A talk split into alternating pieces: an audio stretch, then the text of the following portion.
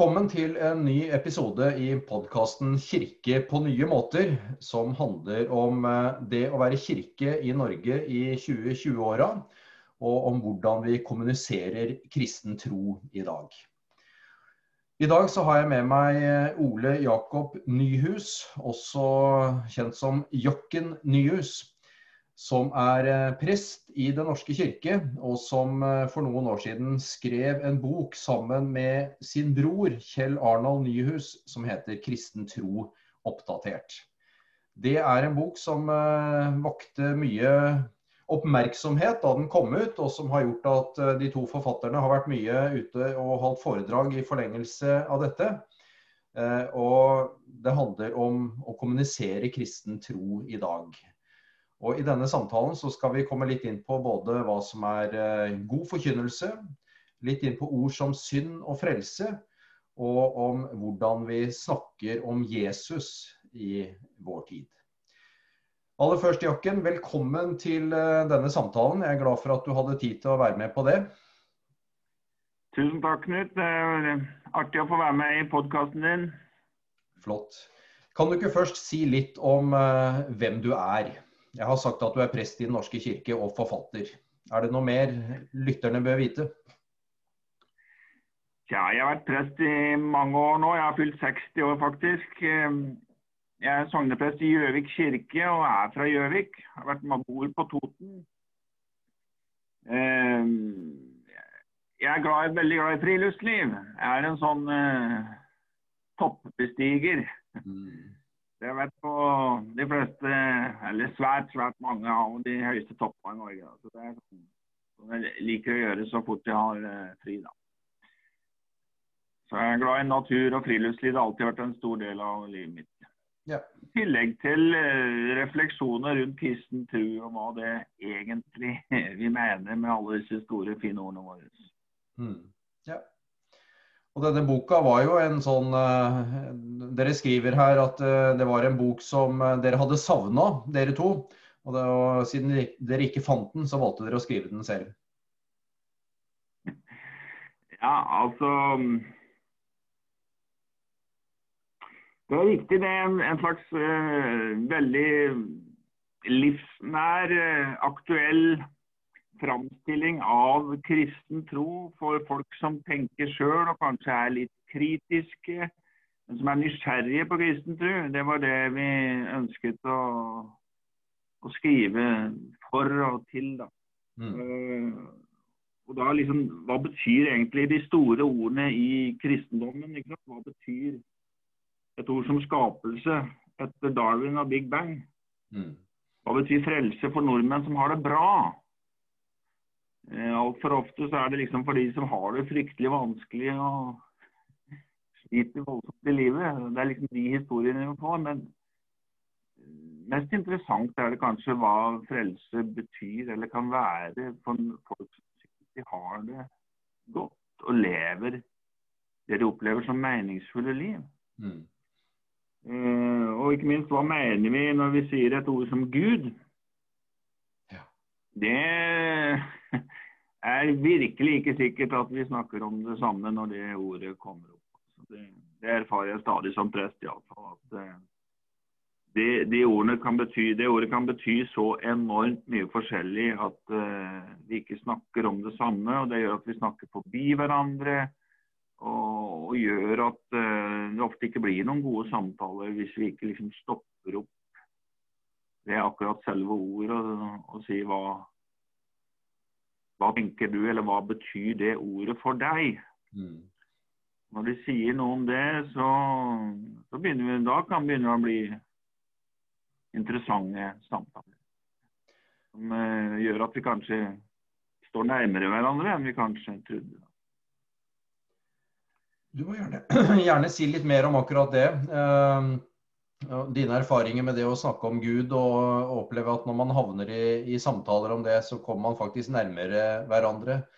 Har dette noe med et sånt uh, jeg på å si, gammeldags eh, bilde av Gud som en uh, fyr som sitter på en sky og, og ser på oss, liksom? Er det noe der du er, eller? Ja, altså jeg er ofte Jeg syns, det er eh, ikke så problematisk å være ganske direkte med folk i dåpssamtaler. Eh, og det er vel Da kommer vi til det punktet med liksom ønsker dere å gi barnet en, eh, en kristen oppdragelse. ikke sant? Så spør jeg hva de tenker rundt ordet kristen oppdragelse, f.eks. Eh, det er et åpent spørsmål som og da og så kan jeg spørre hva de sjøl tenker om, om, Gud, og de sjøl vil si at de tror på Gud. Eh, og da er det ofte veldig mye sånne nølende svar. Eh, Gud er Vanlig svar er jo at Gud, tja. No, noe må det vel være. Mm. Eh, et stort noe langt der ute. Eh, men en klarer ikke å si noe mer om det. Men noe må det vel være. Um, og så er det noen som har denne litt sånn Nå har folk slutta å gå på søndagsskolen, vet du. Så, så, det er jo en del som har, har liksom den bakgrunnen, også av, av den generasjonen. Og Da er det jo litt den der eh, bestefarguden med skjegg som eh, som hører på, som svarer sånn i ny og ne på våre bønner og som det gjelder. Og, og, det, og som har skapt verden på seks dager og, og det der. Det, der, det,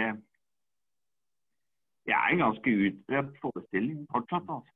Og mm. det, det, det klarer de ikke å tro på. Men uh, nå må det være. Så,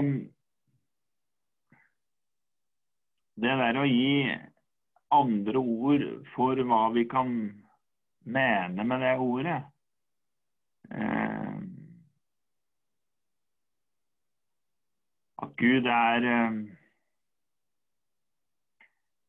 Et av de tinga som på en måte appellerer mest, det er vel kanskje ordet kjærlighet.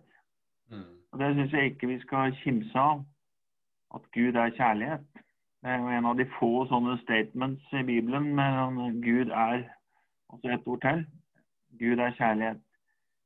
Det syns jeg gjerne vi kan utnytte mer som en slags hva jeg liker å kalle positiv tilknytning for evangeliet. Altså menneskers opplevelse av kjærlighet som noe enormt stort, fantastisk stort osv. Men vi som kirke må gjerne si som noe guddommelig stort. Kjærligheten er guddommelig i ordets pregnante forstand. Guddommelik. Guddomslik. Den ligner på Gud, den minner oss om Gud, gir oss glimt av Gud. Um, og det er noe som nær sagt går rett inn. mm. Eh, som folk lydhøre for og syns høres fint ut, vakkert ut. Og der er vi med noe av det som jeg mener er kirkas oppdrag. Da. Det er Vi sier at kirkas oppdrag er å døpe. Så handler det om å tenke i det hellige vannet, men altså at hele livet, tilværelsen, helliges. Ikke sant? Mm. Eh, gjøres, får en ny identitet, en ny tilhørighet, gjøres vakkert. Så når vi snakker sånn om kjærligheten, som er en sånn allmenn erfaring som alle syns er noe vakkert og fint, så, så på en måte helliger vi det. Vi viser at, at um, vi setter det inn i en stor og vakker sammenheng som holder menneskets storhet og verdighet oppe. Um, da døper vi. Da gir vi det en ny identitet, en større identitet, en vakrere identitet. Uh, settes inn i en sammenheng som, som er god. Mm. Mm. Så, ja, det er jo noe av det som jeg tror um, vi må bli flinkere til, fordi det språket som mange tror at er det eneste sanne språket, eller som egentlig snakker sant om virkeligheten, det er liksom det naturvitenskapelige. ikke sant? Mm. Slik at dette språket som helliger, som gjør vakkert, som lader med mening, er gått tapt. Eh, så, så, så det, er, det, er, liksom virkelig kirkas oppgave. Altså. Det er å vise hvordan trua gjør alt vakkert. Mm. Og lader livet med mening. Eh, du har jo hele sekulariseringa er jo det det er, en måte å tenke på, forstå virkeligheten på, som er helt gjennomført som om Gud ikke fins. Mm. Absolutt hele tida. Som om Gud ikke fins. Alt. Altså all politikk, all moral, alle normer, alle verdier skal forklares og motiveres som om Gud ikke finnes.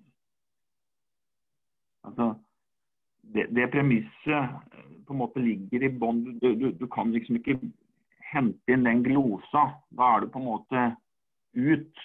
Mm. Så langt er jo sekulariseringa i Norge kommet på en måte at hvis du tar frem ordet Gud, så er, du, er det noe litt suspekt. Mm. Nesten. Så til og, med, til og med religion ikke sant, er blitt et fenomen som forstås som om Gud ikke finnes. Et Godt eksempel er jo Harald Eia-programmene nå, som var om religion. ikke sant? Eh, religion da som Fordi Gud ikke finnes, da, eller kan tas med i forklaringen, så er jo religion da forstått som eh, alltid et symptom på noe. Altså, Gudsbilder og religion er bare symptom på et eller annet. annet. Og Her er det da et symptom på menneskets behov for trygghet. Mm. For sammenheng eller en trøst eller et eller annet. Men Gud finnes jo ikke. Det er liksom premisset. Mm. Mm. Og det er inn i denne virkeligheten at vi forkynner, da. Eh, vi formidler tro, kommuniserer tro.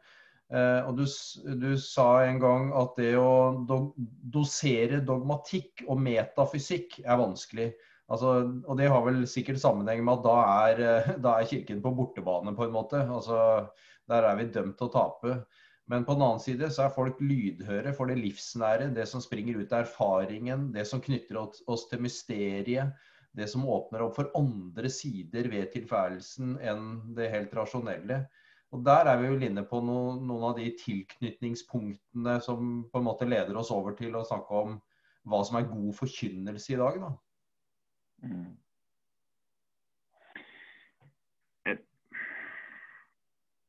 Første kriterium tror jeg må være at eh, folk opplever det som sies som um, som gjenkjennbart, som troverdig. Altså du må være framstå som troverdig. Eh, og det må være erfaringsnært. Altså De Det hender jeg tror jeg har holdt gode prekener. og det er f.eks.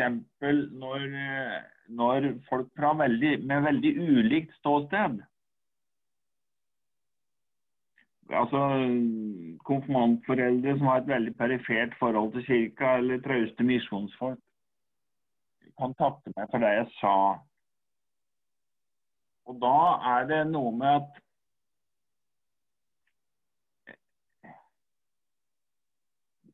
det sies noe om allmenne livserfaringer som som, eh,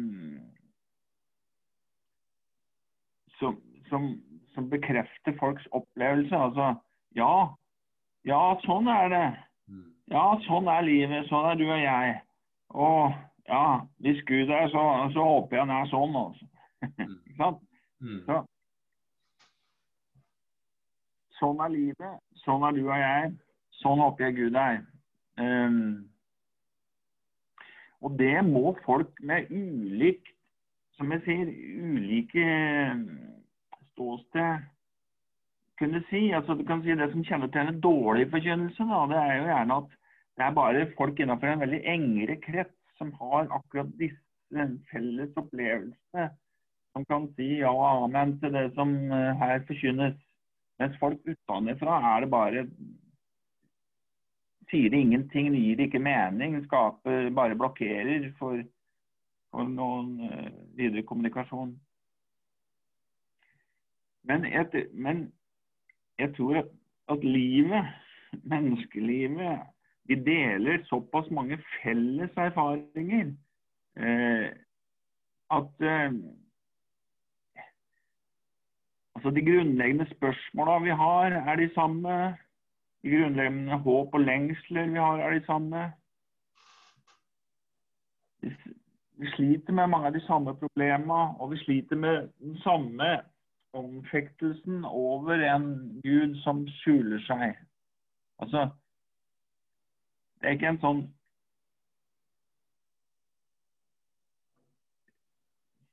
veldig spesifikk eh, kristen anfektelse, tror jeg, at Gud skjuler seg. Eh, det er klart, Vi som bekjenner tro, og, og, og, vi lever liksom tettere på det, eh, kanskje. Men, men mens mange har gjort seg den erfaringen at Gud skjuler seg og ikke svarer på bønnen og alt det der. Mm. Eh, men legger det da ganske raskere til side, på en måte. Fordi det ikke stemmer med det gudsbildet man Hvis Gud finnes, så må han jo svare sånn og sånn, eller gjøre sånn og sånn, osv. Og, så og så lenge Gud da ikke svarer til mitt gudsbilde, så legges den på vent eller på sida. Men en forkynnelse som er sånn at den tar de allmenne livserfaringer på alvor, og gir ord til folks ikke bare folk, men mitt eget, min egen tvil og anfektelse. Som skaper gjenkjennelse. Altså, at, at tilhøreren har en opplevelse av at han som forkynner, lever det samme livet som oss. Mm. Baler med de samme spørsmåla som jeg gjør. Sliter med de samme tinga. Eh, det skaper en slags solidaritet mellom tilhører og forkynner som, som, må være der da, for at det skal bli, man skal bli lydhør for det som faktisk sies. Mm. Mm. Eh, Altfor ofte ikke sant? Dårlig, eller, sånn, dårlig forkynnelse er jo gjerne full av klisjeer. Det er upresis forkynnelse, og det er full av klisjeer. Og, og, disse ord og vendingene og talemåtene som man har vent seg til, det er et språk som bare fungerer innenfor svært engere kretser. Mm. Og,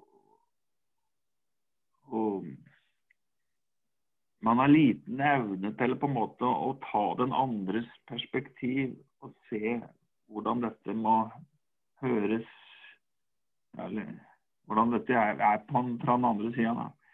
Um, det, du kan si det, det, blir et eget kristelig språk på den måten at ordene har en, en spesiell kristelig betydning. Mm. For eksempel, ta et ord som frihet. da, for eksempel. som en predikant da kan ha snakke om med stor frimodighet og patos om kristne frihet. Og de som er på dette møtet, og som pleier å gå der, de syns dette er en fantastisk flott og salvet eh, preken. Men en fremmed som kommer utenfra og liksom observerer dette, jeg hører på det, kanskje opplever dette som en svært ufri forsamling. Mm. Og, og, og her, her, er det ikke rom for meg, eller frihet for meg til å komme med mine tanker osv. Men så alle andre, nær sagt, ser at dette ikke er spesielt fritt her i denne forsamling, hvor man snakker så veldig frimodig om frihet. Og hvordan er det mulig? Jo, det er mulig fordi ordet frihet betyr noe annet der enn det betyr på folkemunne, på vanlig språk som folk bruker. Mm. Det samme gjelder glede. Eh, ja, mange sånne ord. Mm. Eh, ordenes kristelige betydning er noe annet enn den allmenne. Og da kan du liksom få to språkverdener og sånn. Eh, men, men mm, det, det er, eh, dette er noe jeg ikke minst har lært av Grundtvig, som var veldig opptatt av disse tingene. At um, Gud altså Det er jo ikke noe annet enn hva Bibelen selv forteller. Da. Han på undre på pinsedag, hvor Gud taler på morsmålet, og Gud låner alle de forskjellige folkenes språk. Og da betyr, da betyr ordene det samme. Ordenes kristelige og allmenne betydning er ja, de kan korrigere og overlappe osv., men det, det, er ikke noe helt annet. Altså. Mm. Mm. Og, det, og det, for god forkynnelse, da, for å si det sånn, så må du, du må ha tilegna deg en erfaring og en opplevelse av hva frihet, kjærlighet, glede er. Eh, i folkelivet, i det alminnelige liv. Og du må ha et levende og godt språk for det, for at du skal kunne fortelle troverdig om den kristne frihet og, og, og, og Guds kjærlighet og, glede og de tingene. Mm, mm. Og akkurat det med tilknytningspunkter, det er jo, har jo vært viktig. Uh, og noen andre ord som du har vært opptatt av, det er uh, hvordan vi snakker om uh, ord som synd og om frelse. Og synd er jo på en måte et ord som uh, altså Det har et dårlig renommé i mange kristne sammenhenger, men så har det jo på en måte kommet litt sånn på moten igjen. da. Vi husker den boka fra han Bjørn Sterk for noen år siden om ja. å sette verden i brann, hvor han skriver om at han, det han misunner kristne som en ateist selv, det er synsbegrepet. Eh, og Åste Dokka har jo nettopp skrevet om, eh, om eh, synd også nå. og Det har du også vært opptatt av. Hvordan skaper vi disse tilknytningspunktene når vi bruker dette uttrykket? Mm. Ja, det er jo, det er jo litt pussig nær sagt at ordet synd Altså, når vi snakker om at vi skal gjøre kirka Jeg liker ikke sånne ord og vendinger, da, men la oss gjøre det. liksom Budskapet relevant og aktuelt og livsnært og alt det der. Eh, ordet synd og nå, Det går jo ikke an nesten å si at det ikke er det, men det blir det. Eh, altså, vi står i knes til eh, synd. altså Verden er himmelropende, urettferdig Ødeleggelsen, destruksjonen fins overalt, i alt. Eh, ordet Altså, det er, tematiseres, synd tematiseres nær sagt i all stor film, litteratur, diktning. Mm.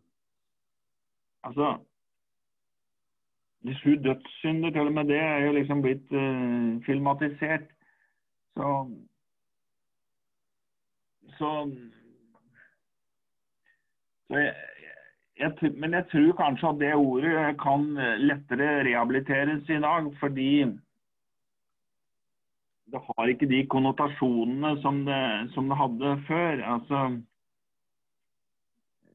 altså mange liksom, Når ordet synd brukes, så, så trekker mange rullegardina sånn automatisk ned. Men det, det, gjør ikke folk på samme måte lenger. I hvert fall ikke den yngre generasjonen. For de har ikke denne pietistiske arven. De aner ikke hva pietisme er for noe, rett og slett. De kan begynne mer på, på scratch da, og, og, høre disse ordene uten, å, uten, at de er så ladet eller vanskelig. Det er en, en fordel, kan du si, med at kunnskapsnivået og tradisjonen er gått såpass tapt at uh, vi kan begynne mer på scratch. Men ellers har jeg vært veldig opptatt av å eh, ta litt sånn oppgjør med den lutherske til, eh, eh, tilknytningen via synd for evangeliet. Altså, du kan si det har vært en lang debatt innenfor blant lutherske dogmatikere liksom, hvordan finne et tilknytningspunkt. Et punkt for evangeliet. Mm. Og da er jo sitat uh, Wisløff, Fredrik Wisløff synden er tilknytningspunktet. Mm. Og dette er jo for så vidt innenfor en sånn tradisjonell luthersk ramme at det er først ved å erkjenne sin syndighet, hjelpeløshet, sitt mørke, sitt steinhjerte, you name it. Det er først da mennesket roper sitt kyrie og ja. Så det er liksom uten synserkjennelse, ingen nåde, ingen Gud, ikke noe gudsliv. Så veien til Gud går gjennom alvor, anger, bot, synserkjennelse. Og uten det blir det ikke noe. Mens eh, jeg mener at eh, det blir altfor smalt. Og Vi snakker ikke om et tilknytningspunkt, altså et, et slags svakt punkt i en menneskelig rustning hvor du kan få kjørt inn et gudsord om synd som kan liksom sette ut mennesket. Men det er veldig lite bibelsk for øvrig. For, fordi vi, vi, altså Jesu metafor om gudsordet er jo at det er såkornet som vokser, det er sennepsfrø som blir til et stort tre osv. Eh, det er vekstmetaforer. Eller det er, det, det er som en vann som, som en vårregn som får det til å spire og gro. Slik er mitt ord. ikke sant? Eh, det er mye mer positive bilder, egentlig. Mm. Og da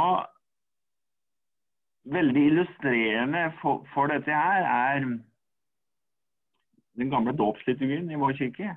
Hvor, hvor liksom eh, barnet bæres fram til dåpen ingenting det, er ingen, det var da eller det skjedde en endring på det, men helt fram til ikke lenge siden så var det jo da ikke ett positivt ord om dette barnet som ble båret fram. Det var ingen takk til Gud for barnet.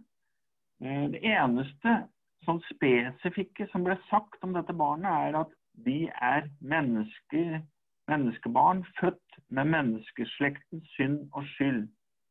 Men i dåpen blir de Guds barn født på ny. Mm.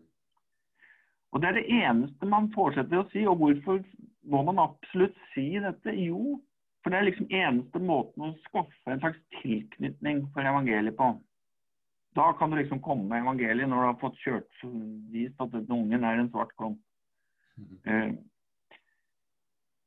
mens den, sånn som noen av de nye dåpssalmene ikke minst Hellingsens, eh, har hva jeg kaller positiv tilknytning for evangeliet på en forbilledlig måte når han sier fylt av glede over livets under, kommer vi til deg som ga oss livet.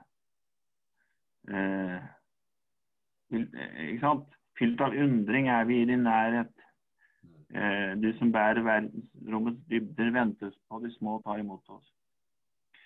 Eh, Altså Fylt av glede over livets under, med et nyfødt barn i våre hender, kommer vi til deg som ga oss livet. Det er entydig positiv tilknytning for evangeliet. Og det gir ord til den glede og stolthet og undring og takknemlighet som nybakte foreldre har. Og det åpner så vakkert og nydelig opp for evangeliet. Og det gjør det jeg sa. ikke sant? Det, det, setter denne grensesprengende, mirakuløse opplevelsen som alle sier det er å få et barn. Det døper hele opplevelsen. Altså, det helliger hele opplevelsen. Det gjør det hele vakkert. Det setter det inn i en stor og meningsfull sammenheng. Og ikke minst, dåpen er også Vi løfter opp barnet nå, da. Nå er det jo skjedd noe med dette her, heldigvis. Vi har fått det med et positivt tilknytning til evangeliet. Vi løfter opp barn og sier dette er NN, Guds barn. Vi tar imot deg med glede og forventning. Mm. Eh,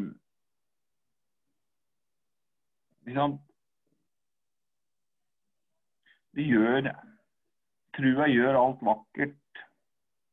Og folk syns det er Når folk sier at de syns det var så fint med dåpen og det var så flott og så videre, har man kanskje ikke så mange flere ord, presise ord for det, men det handler jo om det, dette her. At eh, trua gjør alt vakkert. Så setter vi inn i en god sammenheng. Mm. Og ikke minst holder menneskets storhet og verdighet oppe. Og det tror jeg er kanskje et av de viktigste tilknytninger for evangeliet nå.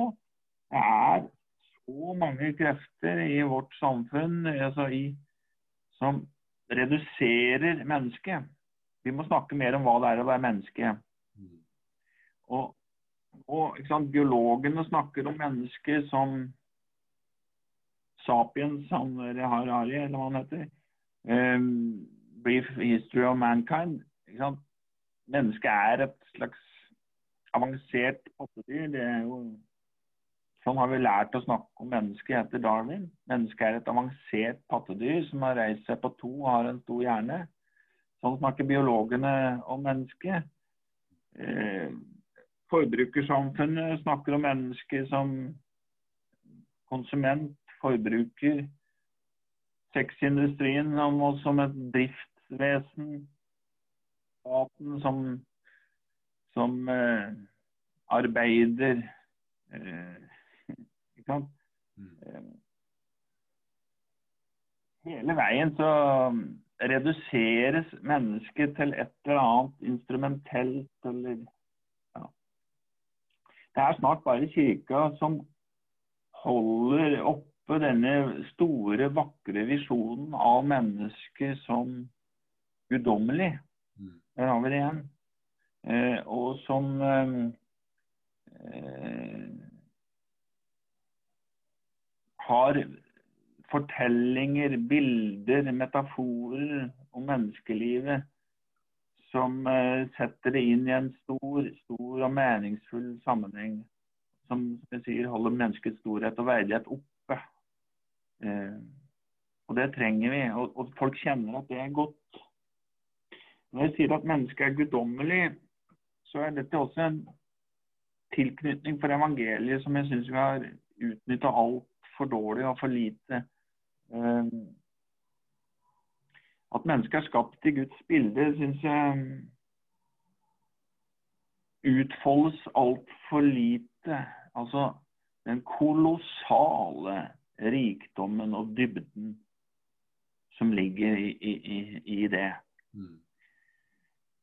Og der syns jeg mange prester og forkynnere liksom, altså Teologien har ikke vært så god på dette. her. Den har redusert gudbilledligheten, et fryktelig ord. Gudslikheten er et bedre ord. Eh, redusert vår gudslikhet til liksom å være samvittighet eller fornuft eller sjel eller et eller annet sånn en eller annen sånn spesifikk egenskap ved mennesket. Um, mens men vår fremste likhet med Gud, som vi må bli mye flinkere til å eh, snakke om og forkynne, det er særlig to ting, i hvert fall sånn jeg liker å forkynne om det. da. Eh, det er en, altså Gud er kjærlighet.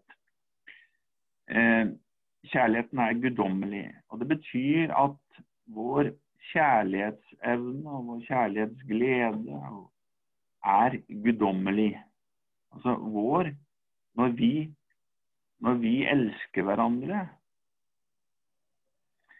ser hverandre med kjærlighet, da, da lever vi ut noe av vår gudslikhet. Vår djupeste identitet. Det som er meningen med stor M. Og Det andre er at Gud er skaper. Det betyr at vår kreativitet Gud er kreator, og vi er kreative. Så vår kreativitet er også den andre store likheten vår med Gud. Altså, og, dette tror jeg er noe som alle mennesker til alle tider har erfart. At hvis vi ikke har noen mennesker å være glad i, ingen som elsker oss, og hvis vi ikke får ta del i noen form for skapende virksomhet, så tømmes livet på mening og blir ikke godt å leve. Men når vi elsker hverandre, når vi skaper gode ting sammen, da kjenner vi at livet har mening, og at det er godt å leve. Så jeg mener at det, og Alt dette ligger altså gjemt i dette utsagnet 'menneske skapt i Guds bilde'. Skapt til å ligne Gud, skapt til å minne om Gud. På samme måten som dråpen kan minne om havet, så kan mennesket minne om Gud. Så stort er det å være menneske. Mm. Mm. Um, dette er faktisk noe veldig gjenkjennbart for folk. altså. snakker med mange rundt dette her. De er enig i det at, det, at uh, hvis vi ikke har noen å være glad i, ikke får være, ta del i noen form for skapende virksomhet, så blir livet stusslig og meningsløst. Men når vi er glad i hverandre, elsker hverandre og er med å skape noe fint sammen, ja, så er livet godt å leve og det har mening. Og Spørsmålet om livets mening blir nesten overflødig det der spørsmålet om meninga med livet, som, vi, som, mange gjør til noe sånn fryktelig avansert og vanskelig og nesten helt umulig å svare på. Hvorfor ikke stole på den erfaring som alle folk til alle tider har gjort seg? At det er disse to tinga, å skape og elske, som er alt.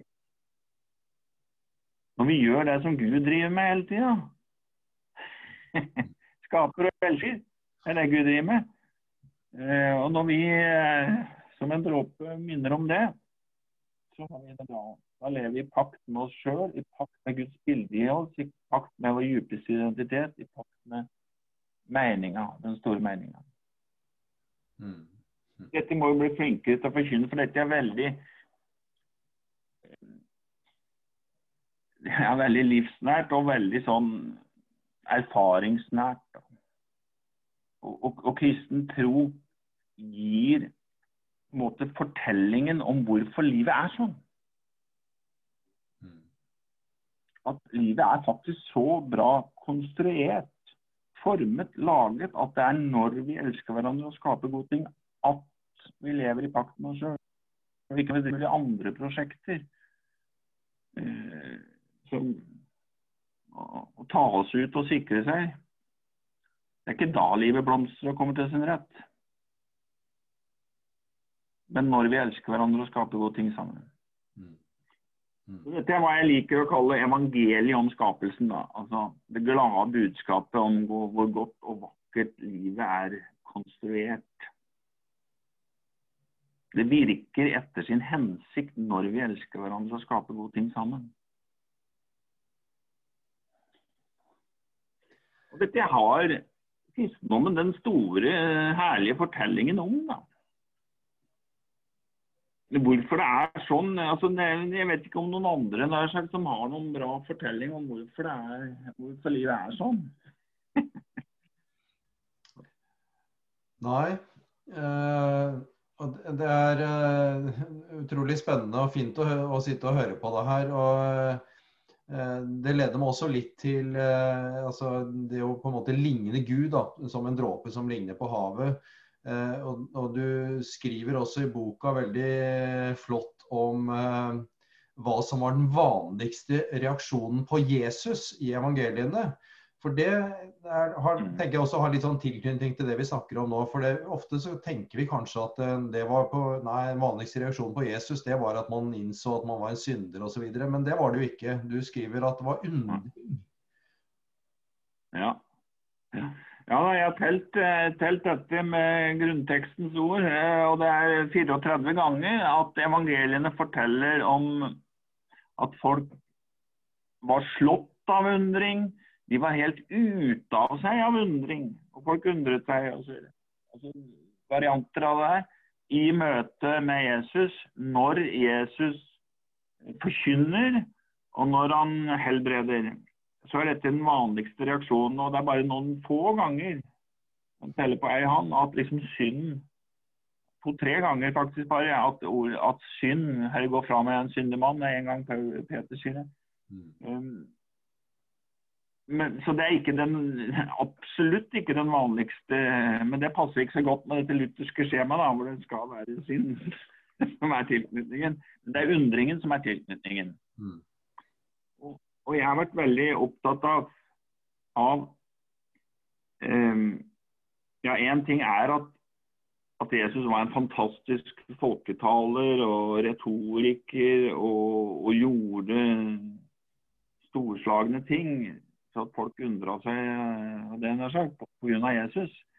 Men jeg er også opptatt av hva, hva Like interessant spørsmål er det Hva sier denne undringen om oss? Altså Når vi berøres Når vi kommer tett på, på Jesu ord og liv og handlinger, så, og det levendegjøres for oss, så, så, blir vi berørt. Og folk ble berørt, og det kan godt være i den tida der folk ble sterkt berørt i møte med Jesus. Og Hva forteller denne berørtheten oss om mennesket? Hvorfor undrer de seg? Hva, hva er det som skjer egentlig? Hvorfor virker Jesus, det levende ordet, så sterkt på folk? Og da er du helt uh, For meg jeg tror det er helt riktig å si at um, det handler om vår, vår gudsbilde i mennesket.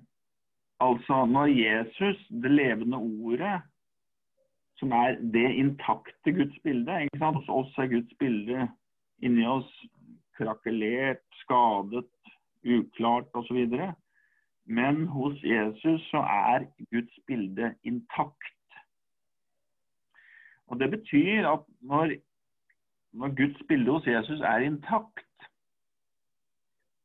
Når han, når han lever menneskelivet helt og fullt etter Guds mening og vilje,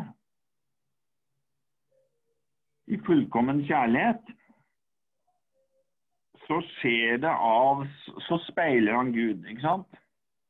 100% Da er bildet intakt. Da speiler, speiler Så du kan si det sånn at fordi Jesus er sant menneske, fordi Guds bilde i ham er intakt, fordi han lever det fullkomne menneskeliv, så skjer det av seg sjøl at Gud kommer til syne. Da virker menneskelivet etter sin hensikt, speiler Gud. Um, og undringen da er at når folk støter på Jesus, så støter de på sitt eget urbilde. Altså Det er noe med Jesus de ikke kan fornekte uten å fornekte dypet i seg sjøl.